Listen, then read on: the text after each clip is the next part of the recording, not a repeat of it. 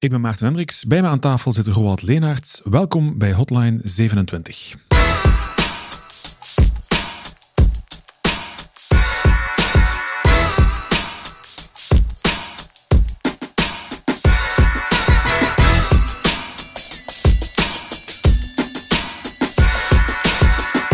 Roald, vandaag gaan we het hebben over deployment. Weer zo'n mooi, fancy Engels woord. Uh, wat bedoelen we precies met deployment? Deployment, of, of ja, we zeggen dat vaak, ik ga een, een, een deploy doen van mijn website, is eigenlijk dat je een aanpassing doet lokaal, of dat je die ergens hebt staan, en dat je die aanpassing nu wilt gaan uitvoeren op je website die op de server staat. Uh, ik ga meteen een bekentenis doen. Als ik een website maak, een klein websiteje maak hier en daar, of ik doe een aanpassing, dan ga ik die aanpassing op de server altijd doorvoeren met FTP. Maar ik kan me voorstellen dat we, omdat we nu hier zitten, dat dat waarschijnlijk niet de ideale manier is van werken. Nee. FTP is eigenlijk een protocol ja, dat, we, dat we niet meer mogen gebruiken, omdat dat eigenlijk vooral onveilig is de connectie die je maakt met, met, de, met de server, die, ja, die is clear text. Dus dat wil zeggen dat je de paswoorden en dergelijke, dat je die eigenlijk gewoon ziet doorkomen als er een hacker zich op het netwerk zou bevinden. Um, daarvoor kan je eigenlijk altijd de beste secure variant gebruiken, wat dan eigenlijk SFTP is. Die is tegenwoordig ook wel standaard. Hè? Ik denk dat de, de meeste FTP-clients die ondersteunen SFTP ja, wel. de meeste gebruiken dat wel, maar uh, ja, ik denk wel dat heel veel mensen er nog niet echt doorhebben of dat misschien nog niet weten, want ik, we zien toch wel nog altijd vaak dat mensen mensen vragen van hey, ik kan precies geen FTP doen en dan moeten wij toch vaak zeggen hey, je moet niet poort 23 gebruiken, mm -hmm. maar poort 22 en dan zijn ze meestal wel vertrokken. Oké, okay, FTP. Dus ik moet FTP eigenlijk uh, een beetje uitfaseren in de loop der tijd um, en overgaan op iets anders. Daar gaan we het zelfs over hebben. Maar eerst, eer dat we daaraan toekomen, misschien eerst even over versiecontrole, want dat hoort er ook bij. Ja? Dus ja, aanpassingen doen aan die website. Je doet dat nu via FTP, maar er zijn ook heel veel klanten eigenlijk die hun aanpassingen niet lokaal uitvoeren. Die gaan eigenlijk altijd rechtstreeks werken op de productieomgeving. Schuldig. Ja, dat is, dat is ook niet altijd zo heel goed, maar ja, als je maar één website hebt en je hebt dat op zich niet nodig, is dat perfect oké. Okay. Mm -hmm. um, maar ja, op een bepaald moment zeg je toch van ja, ik weet eigenlijk niet goed wat ik, wat ik hier aan het doen ben. En ik heb een beetje bang dat ik mijn productieomgeving ga kapotmaken. Ja, ik zou dat toch graag eens even lokaal willen proberen. Mm -hmm. Dus dan ga je de website lokaal beginnen opzetten. En dan wil je daar een heel aantal aanpassingen gaan, gaan doen. En dan is het wel heel belangrijk, of dan is het, begint het interessant te worden, om die versiebeheer daar te gaan gebruiken. Puur omdat, wat gaat die versiebeheer doen? Als je een aanpassing doet, dan kan je die uh, kan je daar een bepaalde naam aan geven, zodat je goed weet uh, wat die aanpassing nu precies gedaan heeft. En je kan ook natuurlijk ook teruggaan. En dat je zegt van, oei, ik heb hier een foutje gemaakt, ik wil eens even een paar stappen teruggaan. Mm -hmm. Versiecontrole is volgens mij ook sowieso nodig als je met meer dan één persoon aan die website werkt. Hè. Wilt je het een beetje efficiënt laten ja, organiseren? Ja. ja, want de, meeste, ja, de meest bekende versiebeheerder is, is Git. Um, en daar heb je wel de mogelijkheid om met een heel aantal mensen te gaan werken aan hetzelfde project. En het voordeel daaraan is eigenlijk dat die de code van de verschillende personen heel mooi gaat samen kunnen voegen. Ik herinner me heel in de begindagen van level 27, toen, we, toen werkten we met Subversion. Dat is nog uit de oude tijd, denk ik. Ik denk dat nog de, de, de versie ervoor, of het programma ervoor, was CVS. Um, en ja, die Subversion, die deed wel goed zijn ding. Ik denk dat het vrij gelijkaardig is, of was dan wat nu Git is. Um, het enige grote verschil is dat je met Subversion altijd een, een, een remote server connectie moest hebben. Je kon geen aanpassing doen aan je, aan je versiebeheer als je geen connectie had daarmee. Dat was een beetje vervelend. Um, en dan is Git gekomen, ook trouwens gemaakt door Linus Torvalds, de bekende kernel-provider. Ja, um, ja, en daar zitten dan een heel aantal leuke features bij die hij daaraan toegevoegd heeft. En het, het voordeel was ook dat je, als je, stel dat je ook geen connectie hebt, met het internet kon je nog altijd um, ja, aanpassingen doen aan je code. Dat was wel een groot voordeel. Hier staat ook, Git is niet afhankelijk van een gemeenschappelijke locatie of een centrale server. En bij CVS of Subversion is dat dan wel het geval. Ja, omdat ja, ze moeten ergens gaan bijhouden. Um, ja, wat is er allemaal precies aangepast? Hè? Die commit messages bijvoorbeeld. Mm -hmm. En die zijn eigenlijk altijd lokaal in de Git-folder, terwijl dat bij Subversion altijd op de remote server stond. Ja. Is Git tegenwoordig de standaard, of zijn er nog andere die, die kunnen gebruikt worden voor versiecontrole? Niet dat ik direct weet, nee. Ik denk dat de meesten allemaal Git gebruiken nu. Wat mij altijd opvalt bij, bij Git is dat ik loop soms tegen het probleem op dat ik als ik een, ik push het naar de, naar de server bijvoorbeeld, heb ik iets fout gedaan, dat terugrollen is voor mij altijd een gigantisch probleem. Is dat iets wat veel voorkomt? Want ik zie hier ook staan de Git basics. Wat zijn eigenlijk de basics? Hoe werkt Git precies? Wel, je vertrekt altijd met een aanpassing in je code. Mhm. En als je dan een Git status gaat uitvoeren, dan ga je heel mooi zien, ik heb hier aan deze, dit bestand bijvoorbeeld een aanpassing gedaan. Dan gaat dat in je terminal bijvoorbeeld al zo'n rood kleurtje krijgen.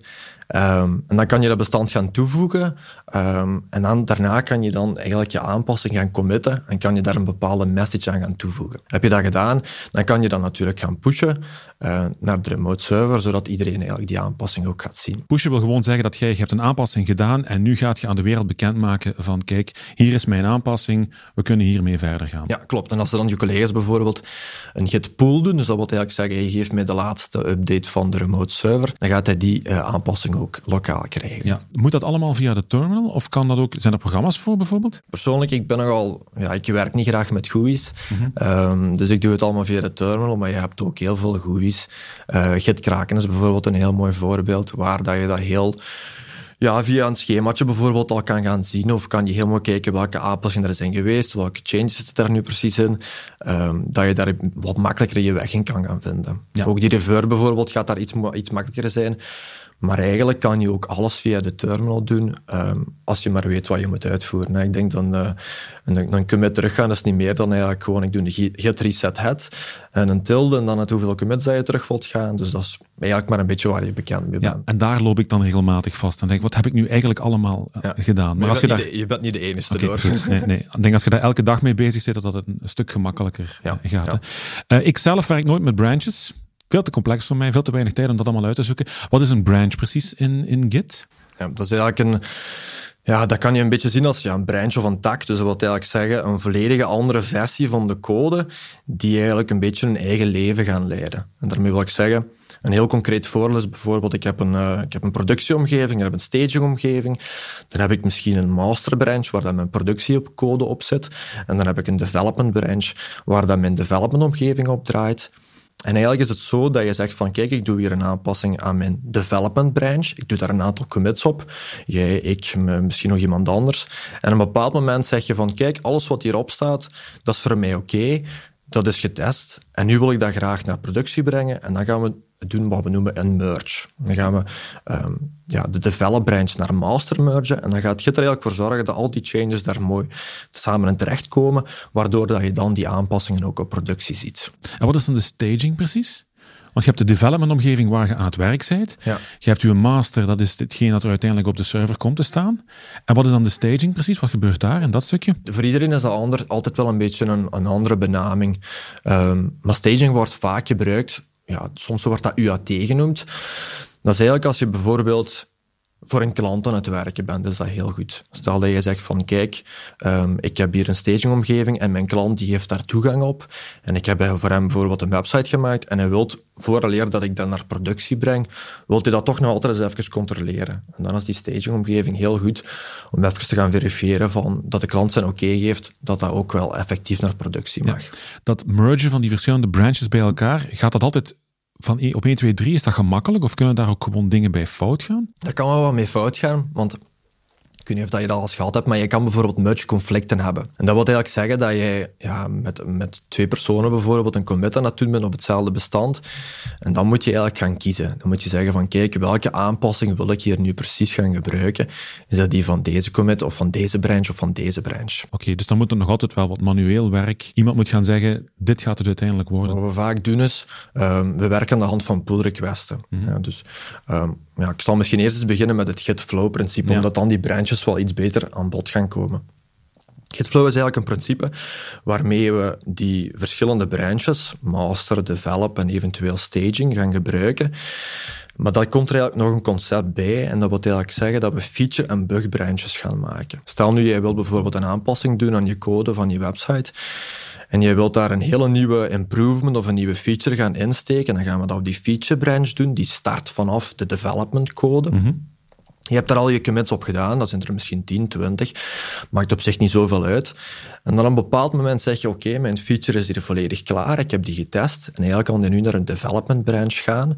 Um, En dan, dat zorgt er eigenlijk voor dat ja, die development branch ook wel altijd werkend blijft. Want jij kan bijvoorbeeld aan die feature bezig zijn en je hebt daar een aantal aanpassingen op gedaan, maar het werkt toch nog niet volledig. Het zorgt er eigenlijk voor dat je op die manier eigenlijk altijd wel een werkend stukje code gaat hebben. Um, maar je hebt ook andere soorten, zoals een bugfix of zelfs een hotfix. Wat, een hotfix wil eigenlijk zeggen dat we uh, niet meer het hele developmentproces doorlopen, maar dat we echt een, een bug, een echt dringende bug op productie gaan, gaan proberen te, uh, op te lossen. En die, die branch die vertrekt dan ook bijvoorbeeld vanaf master. Die, die feature branch is dan ook gemakkelijk voor developers die in alle rust willen een feature uitwerken, zonder tijdsdruk. Of heeft, heeft tijdsdruk daar toch mee te maken? Als je bijvoorbeeld zeg maar iets een jaar lang bezig bent aan die feature, wordt het dan niet moeilijker om die uiteindelijk terug in te voegen? Ja, op zich kan je wel altijd terug vertrekken. Je kan altijd natuurlijk je, je dev branch terug met die feature branch gaan mergen, zodat die al die aanpassingen die er misschien op develop zijn terechtgekomen, om die er daar ook terug in te krijgen. Dus dat gaat sowieso wel in je proces ook moeten zitten. Maar het heeft niet zozeer met tijdsdruk te maken, het heeft gewoon te maken met dat je een staging of een dev-omgeving hebt die vooral nog altijd werkend blijft en niet dat daar ergens code in terechtkomt die er misschien niet in hoeft te zitten. En stel dat je nu die feature branch klaar hebt, wat je dan doet is, kijk, ik ga hier een pull request maken en ik zeg, um, oké, ik ga mijn feature branch naar develop uh, request of een pull request maken. En in die pull request heb je vaak een GUI. Op Bitbucket of GitLab zie je dat heel mooi. En dan zie je eigenlijk welke code er allemaal is aangepast. En dan kan je een reviewer vragen om te zeggen van, kijk, um, kunt je mijn code eens even nakijken? En dan kan hij bijvoorbeeld zeggen van, oké, dat ziet er allemaal goed uit, ik approve dat. Of hij zegt van, nee, ik wil toch graag dat je hier nog een beetje uh, aandacht aan besteedt. Of dat je hier nog een aanpassing aan gaat doen. En dan denied hij eigenlijk de pull request. Dat is ook dezelfde manier waarop er gewerkt wordt aan grote open source projecten waar in principe iedereen aan kan meewerken. Die werken ook op, met hetzelfde ja, principe. Ja, klopt. En dat is dan eigenlijk ook een beetje gekoppeld aan een ticketje heel vaak. Hè. Dat je zegt van, kijk, ik heb hier een ticket aangemaakt die zegt van, ja, ik heb hier een bug gevonden. En dan gaat daar vanuit, die, vanuit dat ticketje gaat een bepaalde branch komen en die gaat hij dan proberen te, te mergen via een pull request, zodat het duidelijk is wat er precies is allemaal aan aangepast. Ja, oké. Okay. Uh, begrip dat ook heel vaak uh, voorkomt, is, is GitHub. Hoe zitten die daarin? Wat doet GitHub precies uh, binnen dat verhaal? Wel, zij leveren eerst en vooral altijd de Git repositories aan. Um, dus zij voorzien eigenlijk de remote server waar dat je code effectief op staat. En zij hebben dan daarnaast ook nog ja, een vrij gemakkelijke GUI daar rond gebouwd om, zoals ik al zei, die branches eventueel aan te maken of die pull requests te gaan voorzien, eventueel door de commits te gaan. En dan hebben ze heel vaak ja, bepaalde integraties. Hè. Wil je bijvoorbeeld een webhoek gaan maken om uh, je deployment bijvoorbeeld te gaan starten, dat zit daar ook allemaal een beetje bij. En dan natuurlijk het, het beheren, ik wil die toelaten en die niet toelaten. Je kunt het ook zelf organiseren. Je kunt zelf een server opzetten waar je je eigen Git repository gaat bijhouden. Dat kan ook allemaal. Ja, dat kan ook perfect. Maar GitHub maakt het gewoon wat gemakkelijker. Trouwens van Microsoft denk ik ondertussen. Hè? Ja, dat is wat. Ja, ja, klopt. Ja. Het is niet zo goedkoop ook niet. Ja, voor een beperkt aantal projecten is het volgens mij nog altijd gratis hoor. Ja, maar ik denk wel dat je vrij snel.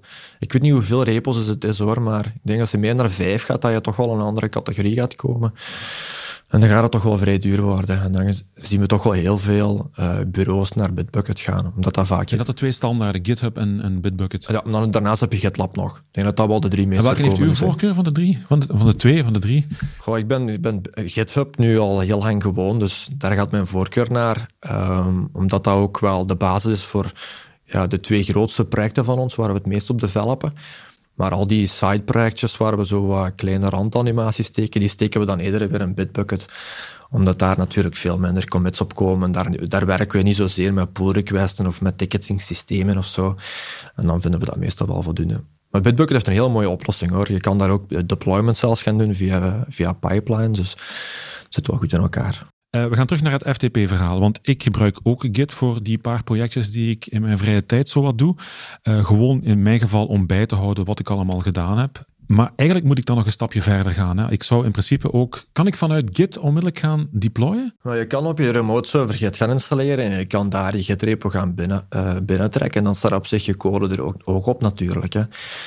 Um, maar ik zou dat niet aanraden, want ja, dat is op zich sowieso niet super veilig, want kan alles voorkomen dat als je dan met, ja, met websites bezig bent, dat je .git-folder bijvoorbeeld hè, ineens op het wagenwijd internet staat. En dat is, dat is niet echt wat je wilt. Want dat is wat daar, is de .git-folder? Wat, dat is een beetje wat ik daar straks over praten, over die, die lokale um, directory eigenlijk, waar dat al je changes in zitten. Terwijl bij Subversion zit dat altijd remote. En hier zit dat nu altijd lokaal, zodat je toch altijd nog commits kan ja, doen. Ja, oké. Dus die folder die mag eigenlijk niet publiek gemaakt worden. Nee, best niet. Nee, best niet. Nee, nee. Dus dat is altijd ja, niet echt super veilig. En daarnaast is dat ook altijd vrij onpraktisch. Want als je dan bijvoorbeeld je code aan het binnentrekken bent en je hebt zo ineens een conflict, ja, dan zit je daar ineens met, met half updated code, waardoor dat je website misschien niet meer gaat inladen. Dus op zich is dat ook niet echt super praktisch. Ik zou altijd vanuit een lege git-clone werken. Dus is eigenlijk gewoon, ik vertrek vanuit een lege directory en ik ga een bepaalde branch binnenhalen. En daarmee ga ik mijn website deployen. Deploy via een script van je PC naar de server. Hoe moet ik dan in godsnaam dat aanpakken? Als ik nu gelijk een professional wil gaan websites deployen. Je zou dat zelf natuurlijk kunnen maken. Hè. Ehm, nu, ik zou het niet doen via SFTP. Wat we meestal aanraden is rsync. Rsync is eigenlijk een, CLI-tool die er eigenlijk voor gaat zorgen dat, u, dat remote code op de server terechtkomt. En daar zit dan een beetje extra feature in van, die gaat eigenlijk de metadata gaan vergelijken in de bestanden. Dus als jij bijvoorbeeld nu een hele webroute gaat, gaat kopiëren naar de remote server, en hier doet dat nog eens, dan gaat hij eigenlijk niets meer kopiëren. Omdat hij gezien heeft, die en die bestanden heb ik al aangepast, dat moet ik nu niet meer gaan Ja, of doen. die zijn hetzelfde, die moet ik niet meer aanpassen.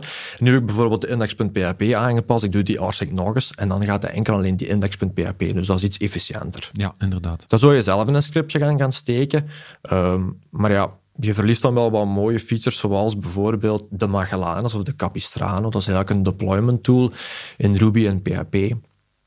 En wat zij daar eigenlijk vooral doen is, um, zij gaan altijd de code naar een apart mapje al voor u gaan deployen. En dat noemt dan eigenlijk een release. En dan aan de hand van wat symlinking gaan zij ervoor zorgen dat het altijd wel in de juiste folderstructuur terechtkomt. Niet dat uw webserver altijd van configuratie moet gaan veranderen. En dat zorgt er ook voor dat als je zegt van ik heb hier een optie gedaan, kan je ook heel mooi terug naar een vorige release gaan. En is dat, dat is een script of een programma? Hoe moet ik dat zien, die, die Capistrano? Want daar ben ik al een paar keer uh, tegengekomen. Wel, je vertrekt altijd vanuit een mate of, of, een, of een bepaald configuratiebestand. En je zegt daar eigenlijk gewoon in, kijk, dit is mijn server, deze user wil, wil ik dat je gebruikt. Ik wil nu dat je deze map gaat kopiëren naar deze map op de remote server. En dan moeten daar nog een aantal extra stappen op toekomen. Bijvoorbeeld, ik wil dat je nu zo'n symlink gaat maken van een bepaald configuratiebestand. Of ik wil dat je een bepaald commando gaat uitvoeren, zoals herstart mij eens PHP of doe bijvoorbeeld de cache, de, leeg de caches voor mij. Um, alle stapjes die je eigenlijk manueel op de server zou doen, die kan je daar ook aan gaan toevoegen. En kan zoiets bijvoorbeeld ook volledig automatisch gebeuren? Dat je zegt van, ik, uh, overdag maak ik, ben ik aan mijn code bezig en s'avonds voor ik naar huis ga, wordt die afgewerkte code automatisch op de server gezet. Of is dat te ideaal voorgesteld? Nee. Um, dus ja, dan ga je op een bepaald moment een, job, een jobserver is dat eigenlijk. Hè. Je gaat uh, één actie willen doen, bijvoorbeeld ik push mijn code of ik duw hier op een knopje en dan gaat eigenlijk alles in gang moeten schieten. Um, en daar heb je bijvoorbeeld uh, Jenkins voor, maar bijvoorbeeld ook Bamboo. En wat daar gaat gebeuren is, daar kan je eigenlijk gaan instellen hoe zien mijn stappen er nu precies uit. Um, ik ga bijvoorbeeld hier de laatste git commits binnenhalen en dan ga ik mijn, mijn, mijn deploy scriptje starten.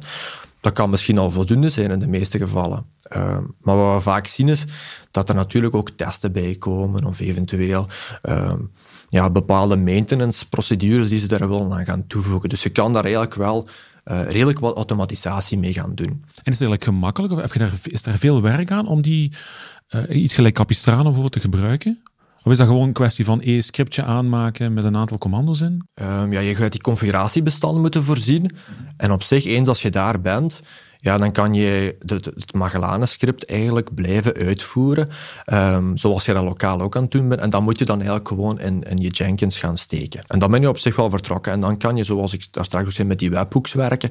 Dat je zegt van, kijk, als ik een commit doe op development en ik doe hier een push, dan wil ik dat dat automatisch vertrekt. Ja. En dan zit je al eigenlijk wel een beetje naar auto-deployment bezig. Dus je hebt Capistrano, je hebt dan uh, Jenkins. En wat is precies de taak van, van Jenkins binnen dat? Want dat is mij niet helemaal wel duidelijk wat dat Jenkins dan doet. Dus dat is eigenlijk die jobserver waar ik over praat. Hè. En daar kan je dan eigenlijk uh, een bepaald project gaan aanmaken. Zoals bijvoorbeeld mijn website. Ik zeg daarin welke git-repo dat ik daar wil gaan binnenhalen.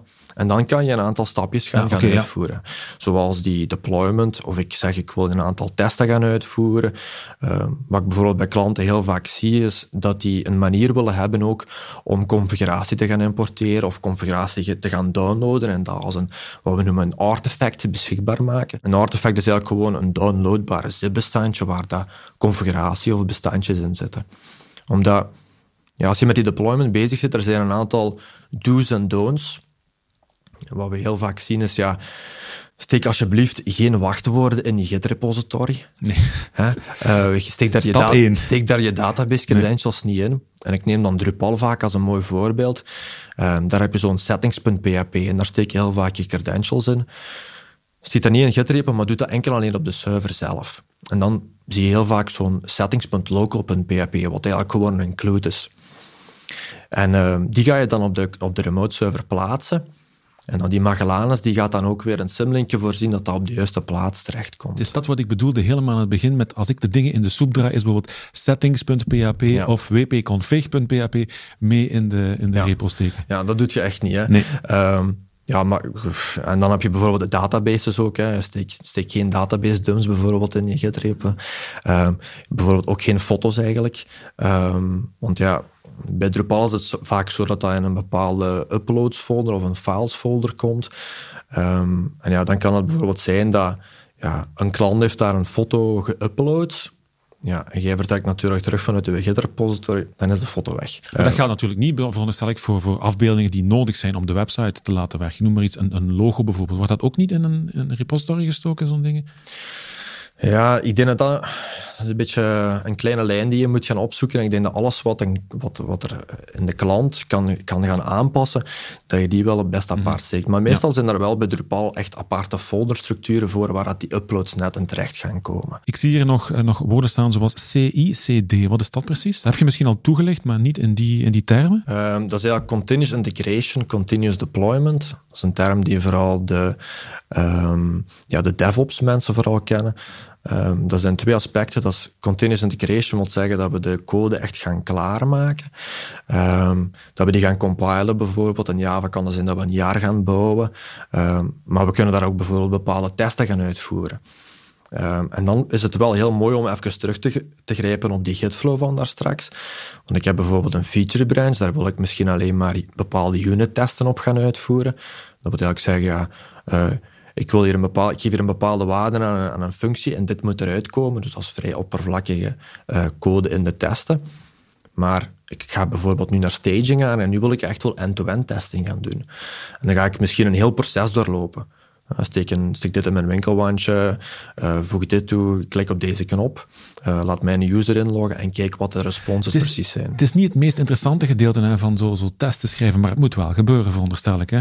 Op zich, het resultaat moet zijn dat jij heel consistent code kunt gaan afleveren. Mm -hmm. um, en als jij ziet dat je heel vaak ja, foutjes maakt in je code, misschien als je zelf alleen daaraan bezig bent en je kent de code uit je duim, is dat niet zo'n probleem. Maar ja, heb je bijvoorbeeld... Uh, ben je aan 20 projecten bezig en je, je zit daar nog weet niet hoeveel features aan toe te voegen. En natuurlijk, ja, als ik hier een feature aan toevoeg, werkt de rest dan nog allemaal. Ja, dus dan gaan je beter ja, die testen ene keer schrijven um, en ze dan vol automatisch laten lopen, want dan weet je eigenlijk dat dat nog allemaal werkt en dan moet je er niet zelf allemaal nog eens gaan controleren. Dus je moet er ene keer tijd in steken en dan krijg je weer... Je moet natuurlijk wel de zelfdiscipline hebben om testen te schrijven. Hè? Ja, op zich wel, ja. ja iemand, echt een, een fanatiekeling, die, die, die vertrekt eigenlijk ook eerst vanuit zijn testen en gaat dan pas code schrijven. Maar mm. dat gaat misschien een beetje te ver. Hè. Vanaf welk moment uh, heb ik dat nu eigenlijk allemaal nodig, dat, dat uh, CICD? Ja, ik, ik, hou daar, ik hanteer daar een beetje een, een no-bullshit waarde. Um, ik vind altijd dat een deployment tool, dat moet u verder helpen. Als jij nog niet met Git werkt of jij past de code op de server aan en je vindt dat perfect oké, okay, um, dan is het ook perfect normaal dat je dat links laat leggen. Um, maar zijn er bepaalde problemen of zie je dat je heel veel tijd verliest aan die, aan die code daarop te krijgen, ja, dan is het misschien wel eens interessant om daar een dag of twee te gaan te investeren. Want die gaat je er toch sowieso uitkrijgen. Mm -hmm. Als ik tien deploys doe op een week en ik verlies daar elke keer een half uur aan, ja, het steekt er een dag tijd in, dat je het automatiseert. En, en, ja, dan heb je je tijd al teruggewonnen eigenlijk. Hè. De dingen die een computer automatisch kan doen, die moet je in principe ook automatisch laten doen. Hè. Dan moet je eigenlijk alleen wat tijd investeren om ten eerste het systeem te leren en ten tweede om ervoor zorgen dat het ook echt volledig automatisch. Hè. Ja, dus kijk een beetje naar de problemen die je nu hebt um, en probeer daar eigenlijk een beetje op verder te bouwen. Want het is toch wel altijd op, op maat gemaakt hoor. En we doen vaak wel eens deployment projectjes en bij elke klant is dat net weer iets anders. die klant zegt bijvoorbeeld van, kijk, ehm, ik ga hier toch mijn database daarin steken, omdat daar eigenlijk alleen maar configuratie in zit, ja, dan is dat perfect oké. Er is niet echt een bepaalde regel die je moet gaan volgen. Je zegt van bijvoorbeeld, ja, ik heb hier een maintenance procedure, ik moet bijvoorbeeld heel vaak mijn database van productie gaan afpakken, of ehm, ik wil bijvoorbeeld al mijn, mijn bestanden die, die mijn klant erop heeft gezet ook eens even binnentrekken. Ja, dat zijn misschien taken die bijvoorbeeld voor één persoon zijn weggelegd. Want je wilt niet dat elke developer in je organisatie toegang heeft op die productieomgeving. Want ook meer kant op fouten dan. Hè? Dus dan ga je daar ook weer in die Jenkins gaan steken, dat eigenlijk die developer van u, zonder dat hij toegang heeft, toch altijd weer op dat knopje kan klikken en dat hij verder kan. En dat hij niet weer aan die persoon zijn mouw moet gaan trekken en zeggen van, kunt je mij even verder helpen? Uh, om het samen te vatten, SFTP gaan we zoveel mogelijk uh, vergeten. Een Git repository aanmaken, op GitHub bijvoorbeeld, om eens, uh, om eens te testen.